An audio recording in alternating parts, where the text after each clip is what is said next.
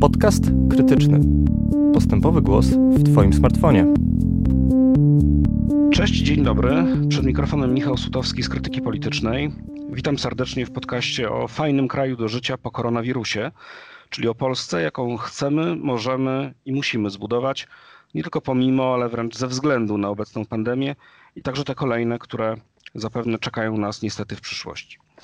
Dziś moim gościem będzie kolejna z rozmówczyń y, książki Fajny kraj do życia, dr Janina Petelczyc z Katedry Ubezpieczenia Społecznego Szkoły Głównej Handlowej, ekspertka do spraw ubezpieczeń społecznych, autorka pracy doktorskiej na temat pracowniczych programów emerytalnych w krajach Unii Europejskiej oraz współautorka książki Obywatel na Zielonej Wyspie. Dzień dobry. Dzień dobry. Dzień dobry. W wywiadzie na temat y, polskiego systemu emerytalnego y, rozmawialiśmy mm, o tym, dlaczego powszechna w młodym pokoleniu niewiara, że otrzymamy publiczne emerytury to samospełniająca się przepowiednia, o tym, co faktycznie sprawia, że grozi nam nędza na starość, czy państwo jeszcze może temu zaradzić i czy uratują nas od zguby pracownicze programy kapitałowe. A dziś y, chciałbym zapytać moją rozmówczynię o to, y, co czeka nasz system ubezpieczeń w związku y, z pandemią. I rozpocząłbym może od y, wątku, który podniesiono mm, kilka już chyba tygodni temu, że w debacie publicznej, otóż mianowicie mm, mamy mniejsze wpływy do ZUS-u ze względu na koniunkturę gospodarczą, ze względu na zwolnienia e, przedsiębiorców i samozatrudnionych e, ze składek, a jednocześnie czekają e, nas większe wypłaty między innymi postojowego, zasiłków opiekuńczych czy, czy chorobowych z L4. No i to wszystko razem złożone nie wyróży dobrze budżetowi Zakładu Ubezpieczeń Społecznych i chciałbym w związku z tym zapytać na początku, y, czy wiemy, ile mniej więcej wyniesie ta luka w budżecie ZUS w tym roku, no i czy grozi nam, że y, będą problemy z wypłatą emerytur? Mhm. No, Zakład Ubezpieczeń Społecznych, y, a dokładnie Fundusz Ubezpieczeń Społecznych, bo o tym y, mówimy, jest tym, który zawsze co roku ma deficyt. Y, nigdy nie jest tak, że liczba wpłaconych składek równa się liczbie wypłaconych świadczeń w kwestiach finansowych. I co roku mamy o tym długą dyskusję w mediach i co roku jest dopłata z budżetu. W ostatnich latach sytuacja była bardzo korzystna na rynku pracy, bo pamiętajmy, że ubezpieczenia społeczne tak naprawdę są papierkiem lakmusowym lakmusowym tego, jak funkcjonuje rynek pracy. I e, nawet w zeszłym roku e, osiągnęliśmy pewnego rodzaju rekord, to znaczy prawie 80% świadczeń wypłaconych było finansowanych właśnie ze składek i Zakład Ubezpieczeń Społecznych mógł zrezygnować z ponad 10 miliardów dopłaty z budżetu e, państwa, co było rzeczywiście rekordem. No i bez wątpienia to, co, z czym mamy do czynienia teraz, czyli pandemia, a przede wszystkim możliwość zwolnienia z opłaty składek, możliwość skorzystania korzystania z tak zwanej wypłaty postojowego, czy to dotyczy y, samozatrudnionych, czy osób y, na umowach cywilnoprawnych, czy wszystkie inne możliwe świadczenia, właśnie zasiłki opiekuńcze, zasiłki chorobowe, które teraz są wypłacane będą bardzo nadwyrężać budżet. Jeszcze nie można powiedzieć jak bardzo, e, jeżeli porównujemy e, kwiecień, marzec, styczeń, luty tego roku w Zakładzie Ubezpieczeń Społecznych, to nie możemy e, jednoznacznie powiedzieć o wysokim spadku, także dlatego na przykład, że luty i marzec ma zawsze wyższe, wyższe wpływy ze względu na to, że to są miesiące, kiedy wypłaca się tak zwane trzynastki, nagrody roczne, więc zawsze ZUS ma trochę więcej i nie można porównywać miesiąca do miesiąca, ale oszacowano że jeżeli e, wszyscy uprawnieni skorzystaliby między innymi z rezygnacji, z, znaczy zwolnienia z płacenia składek do Zakładu Ubezpieczeń Społecznych, to koszt wynosiłby już e, teraz około 25 miliardów. Tutaj mówimy o tych trzech miesiącach zwolnienia. E, coraz więcej wypłacanych jest także świadczeń zasiłku E, opiekuńczego tak zwanego, e, czy, czy zasiłków opiekuńczych. I tutaj mamy wzrost o ponad 100% w stosunku do poprzednich miesięcy, co akurat możemy porównać, ile osób korzystało e, ze zwolnienia. Także są to ogromne kwoty, które z całą pewnością będzie trzeba uzupełnić z budżetu państwa, bo to, o czym zawsze się mówi i co widać co roku, to fakt, że to, czy świadczenia są wypłacane z ubezpieczeń społecznych, to jest zawsze gwarantowane przez państwo w Polsce i niedobory są pokrywane z budżetu państwa, co oznacza, że jeżeli e, ten deficyt rośnie, to po prostu większe są dopłaty z budżetu. Jedyną sytuacją, e, która mogłaby doprowadzić do rzeczywistego zagrożenia wypłaty świadczeń, byłoby po prostu bankructwo państwa. Mam nadzieję, że do czegoś takiego nie dojdzie, ale jak na razie jestem raczej spokojna. Zakład Ubezpieczeń Społecznych także E, nie tylko tutaj mamy do czynienia z tym zwolnieniem ze składek, ale także wziął na siebie koszty ogromnych e, wypłat, między innymi właśnie świadczeń e, postojowych i wiadomo, że będą, zakład będzie się ubiegać o rekompensatę. Tutaj coraz częściej się mówi o tym funduszu przeciwdziałania COVID-19, który został powołany przez premiera w tym roku i który będzie zasilany właśnie z budżetu państwa, z, z innych funduszy celowych, obligacjami skarbu państwa, obligacjami emitowanymi przez Bank Gospodarstwa Krajowego i, i te środki będą miały być przeznaczone na, na różne instrumenty związane ze zwalczaniem skutków e, koronawirusa, e, a więc będą zasilać prawdopodobnie także Zakład Ubezpieczeń Społecznych, więc ta dziura być może tutaj będzie e, tak uzupełniona. No a dotacja z budżetu jak co roku tym razem będzie prawdopodobnie wyższa, mimo że jak wiemy budżet też będzie miał mniejsze wpływy z innych źródeł, no ale niestety taki kryzysowy kryzysowy rok nas czeka. Na razie jestem, bezpiecz- jestem spokojna o, o, o wypłaty. E, mam nadzieję, że, że, że to się nie zmieni. Jeżeli coś się zmieni, to prawdopodobnie w kolejnych latach nie będzie tych trzynastek i czternastek. Trzynasta emerytura w tym roku wypłacona została, jak e, co roku, e, czy od zeszłego roku przed wyborami, kosztowała Fundusz Ubezpieczeń Społecznych ponad 11 miliardów złotych, czyli to jest dosyć duża kwota, jak porównamy budżet funduszu na cały rok wynoszący ponad 230 miliardów. A Powiedzmy jeszcze o jednym y, zjawisku, bo, yy, które, które wiąże się z obecną sytuacją. Mianowicie pojawiły się takie propozycje, aby bardzo ułatwić zwolnienia pracowników y, pracodawcom w związku, w związku z, z dekoniunkturą. Mhm. No i taką grupą, która tutaj szczególnie wydaje się interesująca, są osoby starsze, to znaczy takie, które uzyskały już albo zaraz uzyskają prawa do przejścia na emeryturę ze względu na wiek 65 lub 60 lat, ale które dotychczas no, miały prawo, to zresztą rząd bardzo mocno podkreślał, że to jest prawo, a nie obowiązek, prawda, przechodzić na, mhm. na emeryturę, a wręcz rząd zachęcał do tego, żeby te osoby zostawały i pracowały dłużej, no krótko mówiąc, żeby żeby mogły się no, u, utrzymać i jednocześnie y, no, nie stanowić, y, no mówiąc niezbyt może ładnie, ale jednak obciążenia dla systemu. Tak. No i teraz, czy, czy teraz nie dojdzie aby do sytuacji takiej, w której pierwszymi do zwolnienia no, będą właśnie te osoby, które mają jakoś tam zapewniony byt na poziomie y, minimalnym, czy przynajmniej jakieś inne źródło dochodu niż praca, czyli właśnie prawo do emerytury. No, z punktu widzenia prawnego na szczęście tak się nie stało. To znaczy tutaj bardzo ważna była y, interwencja związków zawodowych, szczególnie OPZZ w tym wypadku, e, ponieważ w tej propozycji pierwszej tarczy 3.0 była mowa o bardzo dużym uelastycznieniu między innymi zwalniania pracowników. Jak pamiętamy tam e, ten okres wypowiedzenia miał być skrócony, możliwość wypowiedzenia drogą mailową i także zapis dotyczący tego, że można zwalniać osoby, które mają inne źródło utrzymania, czyli w domyśle oczywiście emeryci są na pierwszej e, linii frontu, że tak się e, wyrażę w takim wojennym języku. E, myślę, że jest to pewien problem. Powracamy do historii z lat 90., kiedy wypychano ludzi na wcześniejsze renty albo emerytu na emerytury wcześniejsze lub renty po to tylko, żeby poprawić te wskaźniki na rynku pracy, bo oczywiście prawo to jest jedno, a realia rynku to jest zupełnie coś innego. I oczywiście rząd, kiedy zmieniał wiek emerytalny, dokładnie obniżał go do moim zdaniem e, dramatycznie niskiej wysokości 60 lat w przypadku kobiet i 65 w przypadku mężczyzn.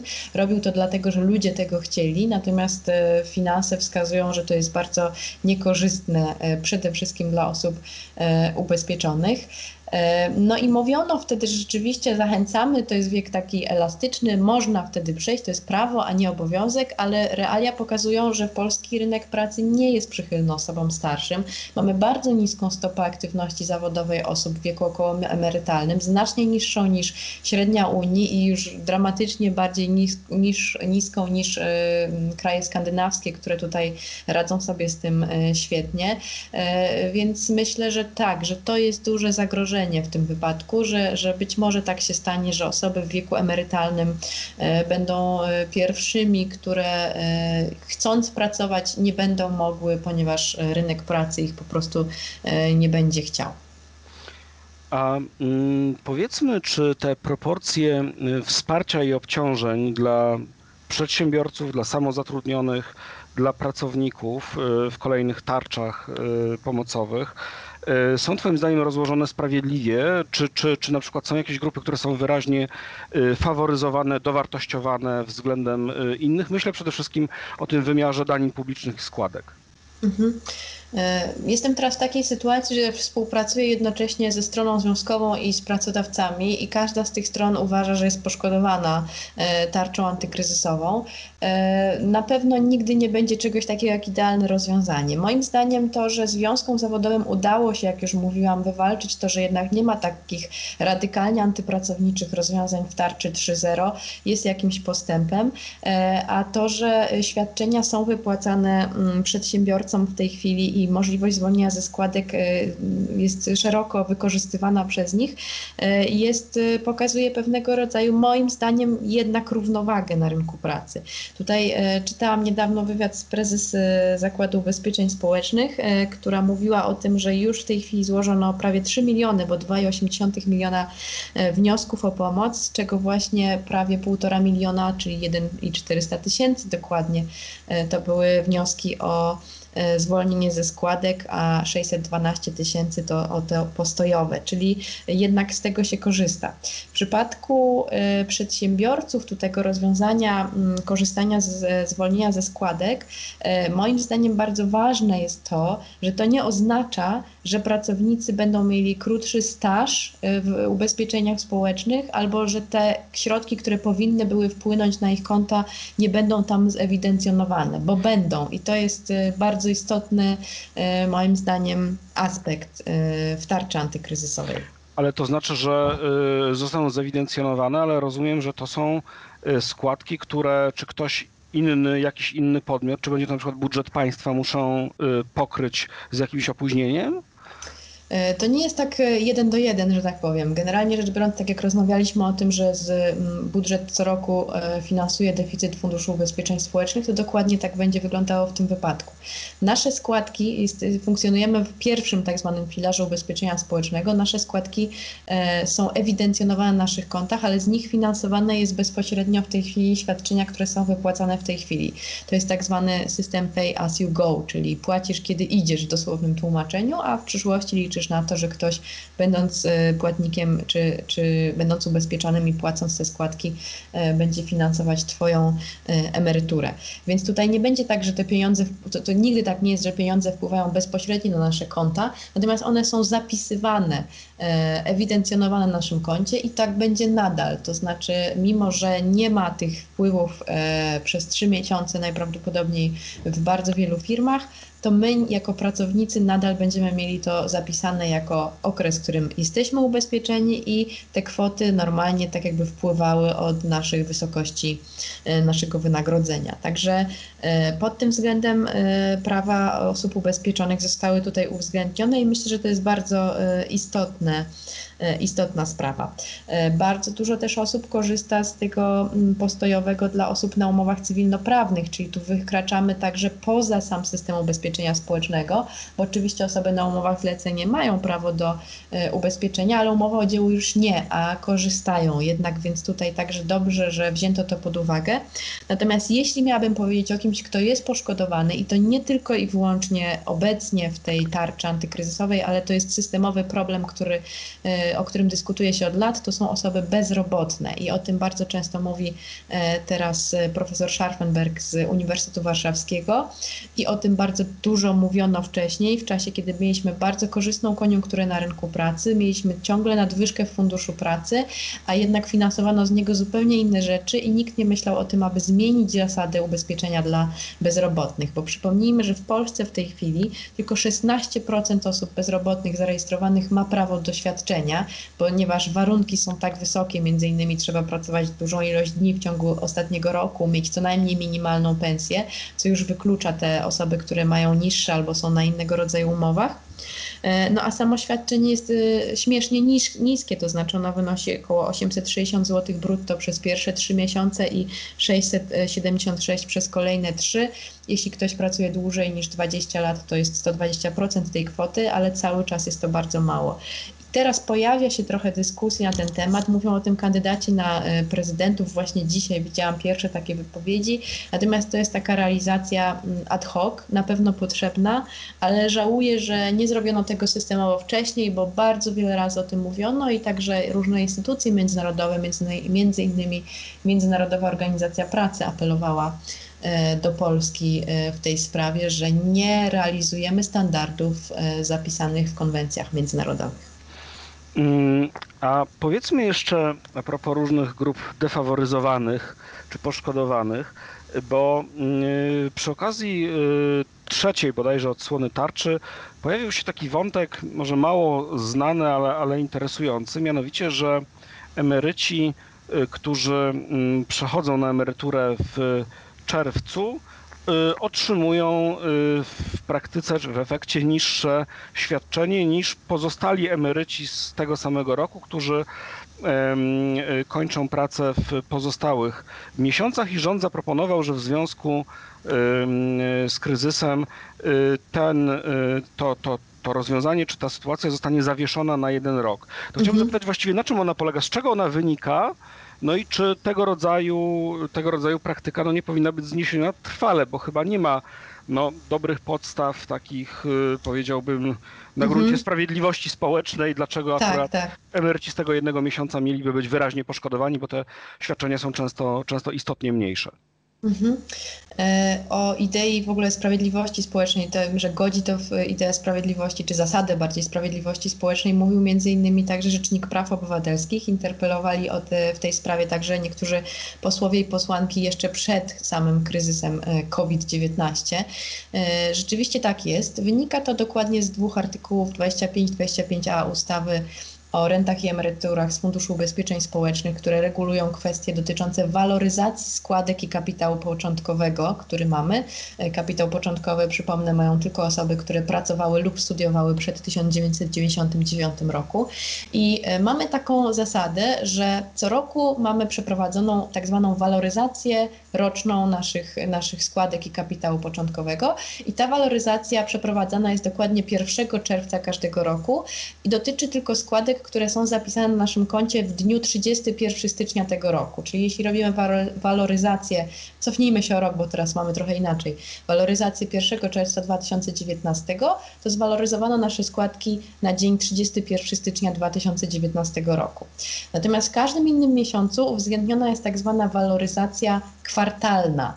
Czyli w wypadku czerwca mamy tylko waloryzację roczną, a w każdym innym uwzględniona jest waloryzacja kwartalna. I problem polega na tym, że jeśli waloryzujemy składki w czerwcu, to nie jest uwzględniona waloryzacja kwartalna z miesięcy luty, marzec, kwiecień, maj i to może nam obniżać to świadczenie. Założenie było takie, że mamy jeden rodzaj waloryzacji w miesiącu i, i to rzeczywiście jest niekorzystna sytuacja i myślę, że oczywiście w tym roku to dobrze, że to będzie wprowadzone, natomiast myślę, że, że w kolejnych latach także powinno się dążyć do tego, żeby, e, żeby tą waloryzację zmienić. No i jest taka ciekawostka e, właśnie dotycząca jednego z posłów, szeregowego posła e, Prawa i Sprawiedliwości, Jarosława Kaczyńskiego, który także urodził się w czerwcu i on był poinformowany o tym, że taka waloryzacja jest, że jest niekorzystnie przejść na emeryturę w czerwcu i przeszedł na nią e, w lipcu. Natomiast nie wszyscy są e, informowani w wystarczający sposób, a czasami jest też tak, że ktoś, kto się urodził w czerwcu, nie ma wyboru, e, pracodawca nie przedłuża umowy i musi przejść na tę emeryturę w czerwcu i niestety taka osoba może być poszkodowana. Mam nadzieję, że to się w przyszłości rzeczywiście zmieni, bo jest to niekorzystne. Dobrze, że o tym jest też mowa, bo myślę, że bardzo dużo ludzi nie wie o tym, a jest to istotny składnik e, funkcjonowania systemu ubezpieczenia emerytalnego w Polsce i mm, warto wiedzieć, dotyczy w sumie, jakby tak policzyć, jednej dwunastej emerytów. To mm, mm, może powiedzmy o tym, czy w obecnej sytuacji, kiedy, kiedy rozmaite y, zjawiska diagnozowane już, już wcześniej a propos i systemu zabezpieczenia społecznego, i rynku pracy, że te wszystkie zjawiska niekorzystne, takie jak uśmieciowienie, właśnie przełożenie tego, że wielu z nas nie płaci E, składek przez, przez wiele miesięcy czy wiele lat, co się przekłada potem na niższe emerytury, że to wszystko zostało jakoś e, wyraźniej chyba dostrzeżone, czy stało się przedmiotem e, debaty publicznej, no bo dotyczy też pewnych rozwiązań, które są najpierw dyskutowane, a potem wdrażane przez, przez parlament, przez większość mhm. parlamentarną.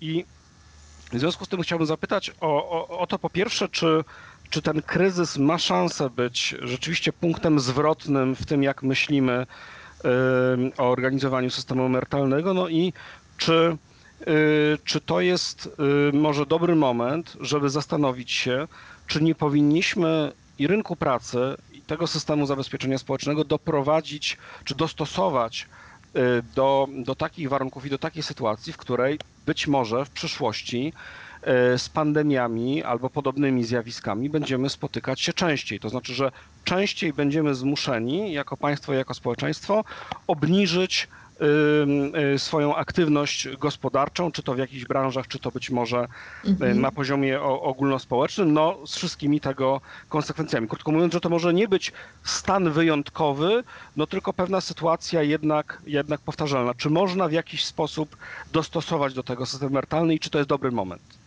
Mhm. E, mówimy o systemie emerytalnym, czy w ogóle ubezpieczeniach społecznych, bo myślę, że to jest Rzeczywiście, szerszy, szerszy, mhm. szerzej rzecz ujmując.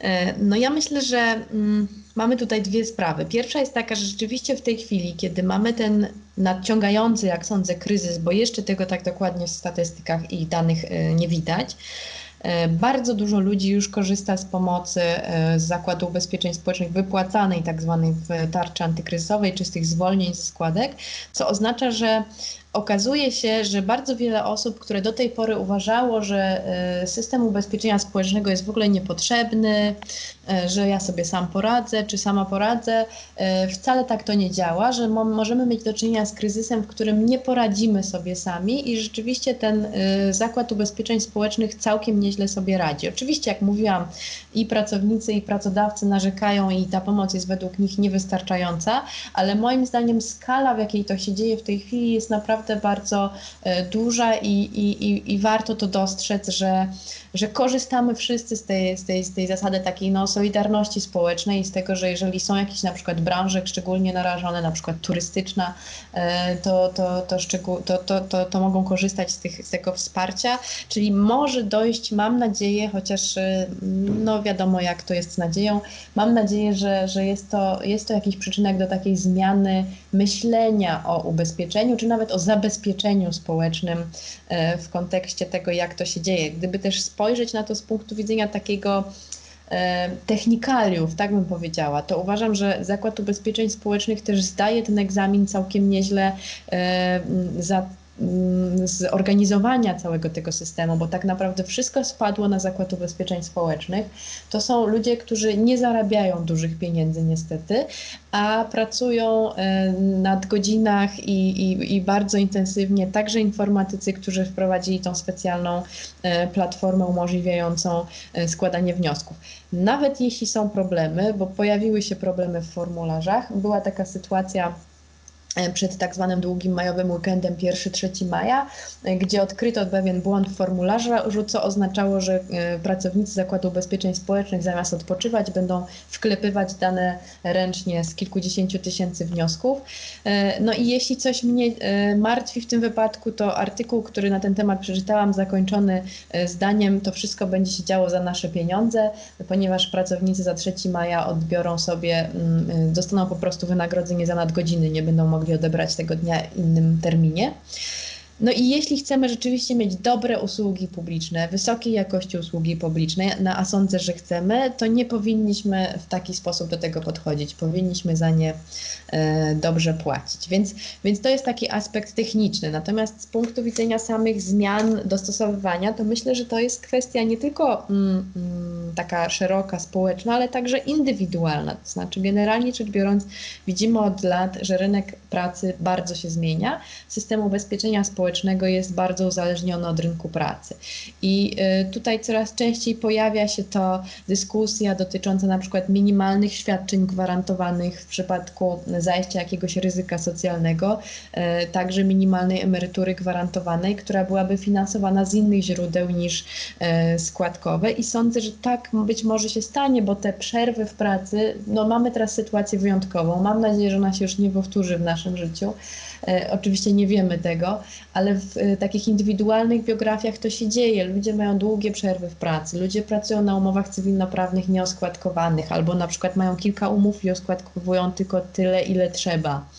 E, ludzie mają przerwy na bezrobocie, e, szczególnie kobiety na opiekę nad dziećmi czy osobami starszymi, więc takie rzeczy trzeba brać pod uwagę. No i być może myślę, że wróci dyskusja także o e, tak zwanej jednolitej daninie, o której była mowa chyba 5 lat temu podczas poprzednich wyborów parlamentarnych jeszcze czyli stworzeniu takiego systemu bardziej uniezależnionego od rynku pracy w tym sensie, że ubezpieczenie jest systemem, który bardzo uzależnia naszą pozycję od rynku pracy, to znaczy ile zarabiamy, jak, przy, jak, jaka była nasza kariera zawodowa, ta ścieżka.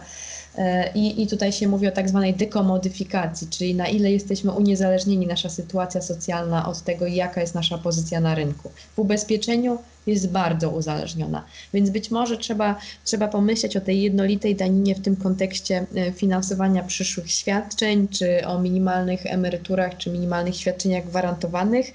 E, oczywiście, bo, bo, bo rynek pracy jest, e, zmienia się niezależnie od tego, czy mamy kryzys związany z epidemią, czy nie. I, i nasza stopa zastąpienia, czyli tak relacja między pensją a emeryturą przyszłą naprawdę bardzo drastycznie się zmienia. I, i myślę, że to, że, że trzeba się będzie do tego dostosować. Możliwe, że COVID-19 i cały ten kryzys przyspieszy proces zmian. Jedyne, co mogę powiedzieć pozytywnego, optymistycznego, to, to mam nadzieję, że rzeczywiście to, jak ZUS radzi sobie z tym i jak wiele ludzi widzi, że rzeczywiście korzysta z tych świadczeń, mimo że wcześniej twierdzili, że w ogóle to jest im niepotrzebne, e, może zmieni postrzeganie zakładu. Tym bardziej, że ubezpieczeń społecznych i w ogóle całej idei zabezpieczenia społecznego. E, tym bardziej, że jak się robi badania dotyczące tego, jak popularny jest e, Zakład Ubezpieczeń Społecznych jako instytucja, to widzimy, że najbardziej popularny jest wśród tych, którzy korzystają z jego usług. I myślę, że to o czymś e, świadczy. Mhm.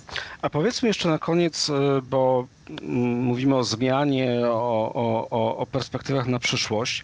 E, I no jest taki, już w tym momencie to chyba jest e, slogan, który gdzieś tam się zakorzenił we wszystkich środowiskach politycznych, kiedyś mhm. przypisywany Miltonowi Friedmanowi, że no, że kryzys to jest, to jest doskonała okazja, której, której nie wolno e, zmarnować. Okazja oczywiście do jakiejś fundamentalnej mhm. zmiany w imię pewnych wartości czy, czy założeń. No i rzeczywiście w historii wielokrotnie tak bywało, że pewne rozwiązania były pochodną, rozwiązania, które okazały się bardzo trwałe, były wprowadzane właśnie w sytuacjach głębokiej zmiany, na przykład zawalenia się jakiegoś systemu, czy ujawnienia się różnych jego napięć, czy, czy sprzeczności. No z drugiej mhm. strony wiemy, że reformowanie takich dużych obszarów, jak czy ochrona zdrowia, czy właśnie zabezpieczenie społeczne, pod presją czasu w sposób taki y, technokratyczny y, czy, y, czy, czy, czy, bardzo gwałtowny, no najczęściej nie kończy się dobrze, zwłaszcza, że tu jest wiele stron, które mają swoje interesy, no i które chciałyby zostać przynajmniej mhm. usłyszane, prawda, mhm. I, i, i, a, ich, a, ich, a ich interesy uwzględnione. I w związku z czym, czy kryzys tego rodzaju to jest dobry dobry czas albo dobry punkt startowy do tego, żeby myśleć o jakichś poważnych reformach systemu zabezpieczenia społecznego. No myślę, że z tego pytania y, wychwycę punkt, y, dobry punkt startowy, bo y, samych wielkich reform nie chciałabym, żebyśmy dokonywali pod wpływem emocji związanych z kryzysem czy właśnie takiego chaosu. Ja od dawna powtarzam, że systemy zabezpieczenia społecznego, które mają w sobie także komponent właśnie emerytalny, czyli takie, które musimy planować na kilkadziesiąt lat do przodu, jednocześnie nie mając zielonego pojęcia, jak te kilkadziesiąt lat będzie wyglądało, za kilka 50 lat będzie wyglądał świat, czy, czy, czy polski nawet rynek pracy, a nie tylko polski, bo nie jesteśmy tylko mm, mm, niezależną wyspą. Trzeba naprawdę planować to długoterminowo, i e, to oznacza, że także trzeba usiąść nad tym, zastanowić się, przeanalizować różne e, scenariusze, wysłuchać wszystkich stron i podjąć jakieś racjonalne decyzje, ale na pewno nie należy tego robić tak szybko. System emerytalny i w ogóle system ubezpieczenia społecznego w Polsce moim zdaniem nie jest, e, nie funkcjonuje bardzo źle i też to, że wprowadzono te zmiany w poprzednich latach w Zakładzie Ubezpieczeń Społecznych i w tym nie wiem, kontekście obejmowania z ubezpieczeń zabezpieczeniem kolejnych grup e, na rynku pracy e, sprawia, że dzisiaj z tego korzystamy. Także to nie do końca jest, e, jest tak, że ten system rzeczywiście źle funkcjonował. Pytanie dotyczy bardziej tego, jak będą wyglądały nasze świadczenia emerytalne, bo to jest duży, duże wyzwanie na przyszłość. E, natomiast e, system emerytalny i system ubezpieczenia społecznego, jak zawsze mówię, jest zależny nie tylko od rynku pracy, ale także od ochrony zdrowia, od tego, jaka jest profilaktyka zdrowotna, jakiej jesteśmy kondycji fizycznej i psychicznej, jeśli na przykład mówimy o zatrudnieniu osób starszych, jak wyglądają nasze, nasze systemy edukacji, na ile jesteśmy przygotowani do, do zmienności na tym rynku pracy. To wszystko jest ze sobą powiązane i moim zdaniem trzeba by usiąść i naprawdę, jeżeli rzeczywiście chcemy dokonywać jakichś zmian na lepsze, nie robić rewolucji, tylko ewolucję i brać pod uwagę naprawdę bardzo wiele różnych aspektów. Dlatego mam nadzieję, że, e, że nasza książka też będzie e, czytana e, każdy rozdział, ponieważ uważam, że naprawdę one wszystkie się ze sobą tak naprawdę łączą. Jesteśmy w systemie naczyń połączonych i trzeba brać pod uwagę bardzo różne aspekty, nawet politykę mieszkaniową w kontekście moich, y, moich zainteresowań badawczych, czyli emerytalnych, bo być może w przyszłości będziemy musieli zmienić też patrzenie na to, y, bo ludzi nie będzie stać na te mieszkania, które w tej chwili próbują kupić na kredyty. Y, może będziemy mieszkać w jakichś mini komunach, nie wiemy tego. To wszystko stoi, te wszystkie pytania stoją przed nami i, i myślę, że nie powinniśmy decydować się na radykalne zmiany, nawet w takiej sytuacji, jaką mamy w tej chwili, tylko myśleć, analizować, robić bardzo dobre diagnozy i, i analizować różne scenariusze, które pozwoliłyby wziąć udział w tych analizach różnych, różnym ekspertom czy grupom społecznym zainteresowanym. E, czyli dokładnie to, czego nie robimy od, od lat w Polsce, przeprowadzając różne reformy. Niestety e, tak to mm, wygląda, ale mam nadzieję, że, że, że może się to będzie zmieniać. Dziękuję bardzo. Ja również dziękuję. E, moją rozmówczynią była dr Janina Petelczyc, jedna z ekspertek e, wypowiadających się w książce Fajny kraj do życia, a teraz opowiadająca nam e, w naszym podcaście o, o przyszłości systemu emerytalnego i systemu zabezpieczenia społecznego po, po pandemii koronawirusa. Dziękuję bardzo za uwagę. Zapraszam na kolejne podcasty e, w przyszłym tygodniu i do usłyszenia.